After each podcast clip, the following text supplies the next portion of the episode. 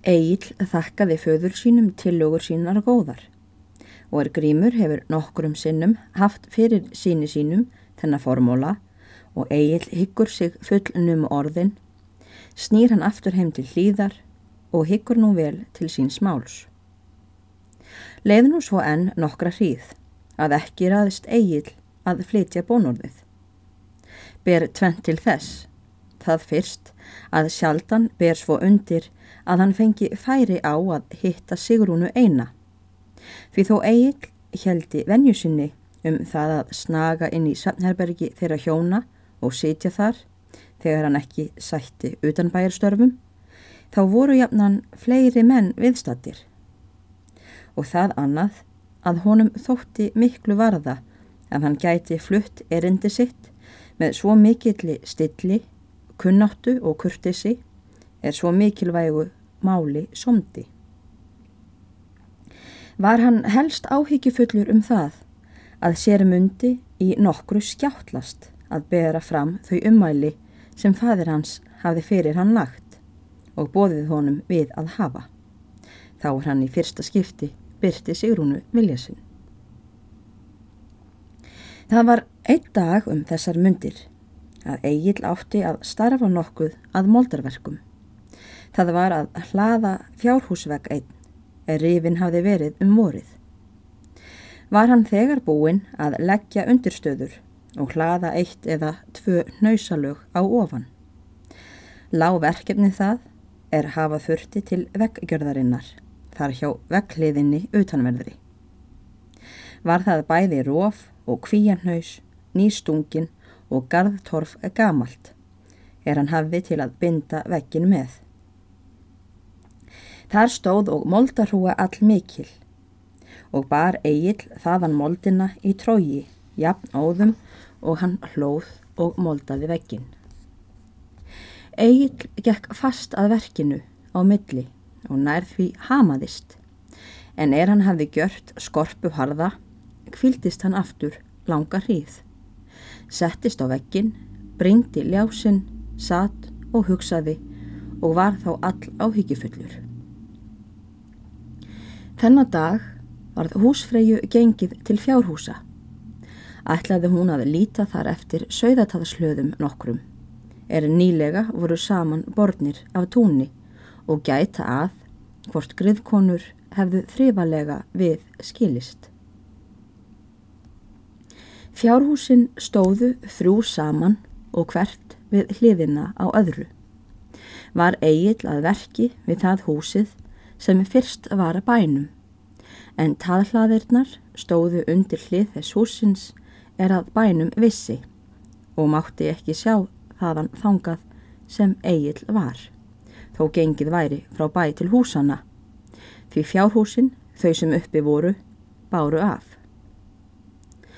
Þórdís húsfreyja gekk til taðhraukanna og svipaðist þar um, en þá heyrir hún mannamál fyrir utan húsin þar sem Egil var. Hugsar hún að einhver utanbæjar maður sé komin, því ekki vissi hún von neitna annara manna hjá agli og vill hún skiknast eftir hver það sé. Gengur hún út með húsköflónum, en er hún kemur að því vekkjarhorni sem næst var reyfna húsinu, sér hún að Egil er þar eitt manna.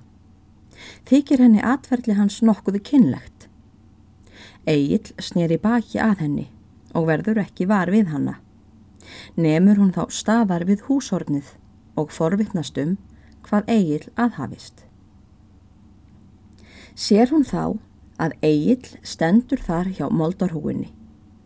Hefur hann tekið reku eina mikla er þar var hjá honum og sett hana niður í moldarbingin á þann hátt að tindinum var stungið ofan í moldina en skákarnir vissu upp. Egil stóð berhöfðaður fyrir framann rekuna og mælir síðan fyrir munni sér. Nú ímynda ég mér að þetta sé hún og að við síum tvö einn. Hvað gjöru ég þá, ha? Ég geng öldungis óhættur eins og hann fadur minn gekk til hennar. Grípum höndina á henni og segi Þú hefur fangað mitt hjarta, minn sýstir. Já, nú fýpast mér, með þínu auga. Lofkvæði Salamónis, þriðji kapitúli. Svona var það. Síðan segi ég, hunangsseimur drýpur af þínu mörum, mín sýstir, og ilmur klæða þinna er Líbanons ilmur. Og nú myndaði Egil sig til sem hann vildi faðma megjuna og sló út báðum höndum utanum rekuna sem hann ætlaði að faðma hana að sér. En rekan stóð ekki vel först í moldinni og hraut hún út af við tilræðið og lendi varið framann á hökunni á agli svo hann greip til hökunar og bölvaði um leið. Þórdís gæt þá ekki stilt sig um að hlæja ekki upp úr en kreisti þó niður í sér hláturinn með hósta en gekk síðan fram undan húsorninu til Egils og lætur sem hún hafi einskis orðið áskinja og segir Ég sæki þá ekki rétt vel að þér, Egil minn.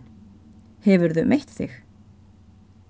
Ó nei, húsmáður góð, sagði Egil. Ég sló óvart rekutindinum framann í mig og hrublaði mig hérna á högunni. Það er ekkert. Það fór betur, sagði Þórdís. Komdu samt heim, ætli það sé ekki betra að leggja eitthvað við það. Þess þarf ekki, sagði Egil og tók nöys mikinn og gekk til tóftarinnar og fór að hlaða. Þórdís gekk þá heim. Ekki sagði Þórdís öðru mönnum frá nema Sigrúnu fóstur sinni. Henni segir hún hvers hún hafi vís orðið og svo hver ummæli Egil hafi haft er hann stóð frammi fyrir rekunni. Sé eigill þessi afkáralegur mjög er hann stæði svona út á víðavangi og talaði við sjálfan sig. Höfðu þær fóstur þetta í skimpingi sín á milli og hendu þó mest gaman að því sem eigill las yfir rekunni. Segja þær að eigill ætli nógu snemma að æfa sig í þeirri íþrótt að byggja sér stúlku og bera það mál flísungslega upp. Ekki letu þar fóstrur samt neitt heyra flimtan þessa og vildi Þórdís fyrir hvern mun ekki að Egil væri hafður að skopi þar á bæ. En það vissi hún myndi verða ef saga þessi kæmist á loft. Líður nú nokkur tími að ekki vekur Egil til um bónorðið við Sigrúnu en eftir því þóttist hún taka að það var ekki einleikið hversu fylgisamur hann var henni, hvort sem hún var úti eða inni. En ekki gátt hún um það við þórtísi fóstru sína hverja ætlun hún hefði þar um. Það var um vorið að Sigurði bonda hafi lengi verið vant tveggja geldinga, er sloppið höfðu í öllu og urðu ekki rúnir.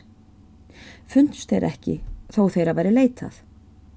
En einu sunni sem oftar hafði smali farið að leita geldingana og fann þá í dalverfi einu litlu á hlýðarhálsi. Og hafði þeirra þó áður leitað verið um hálsin, en jafnan gengist yfir þá. Rekur smali söðina til hlýðar og lætur þá einn í kví eina þar á túninu. Gengur síðan til bæjar og segir bonda frá að geldingarnir séu fundnir. Og er nú ráð, segir hann, að láta þá ekki sleppa aftur í ullinni. Ekki voru þó aðrir menn við bæin en þau Egil og Sigrún og byður hann þau að ganga til kvíjar og rýja sögðina. Þau Egil fara til kvíjar og rýjir Sigrún sögðina en Egil stendur í kvíjadyrum og heldur í þá á meðan og stingur höfði millir fóta sér. Sigrún kastar öllinni upp á kvíavekkin, jafn áðum og hún rýr. Egil var hljóður á meðan á verkinu stóð. En er þau hafa rófurakað geldingana, sleppir Egil þeim út úr kvíinni. En Sigrún sapnar saman öllinni. Þeirri er lág á kvíavegnum og lætur í svöndu sína. Og var henni eigi laus nema önnur höndin er hún hjælt svöndunni með henni. Egil gengur þá til Sigrúnar, tekur um hönd hennar og segir Þú hefur fangað mitt hjarta, minn sýstir, með þínu auga, segir, en þá stendur nokkuð í honum. Sigrúnu dettur þegar í hug ævintýri eigils og rekunar. Var það þá rétt komið á varir hennar að segja, segir eigil við reku, en hún stilti sig þó og brosti við framann í eigil.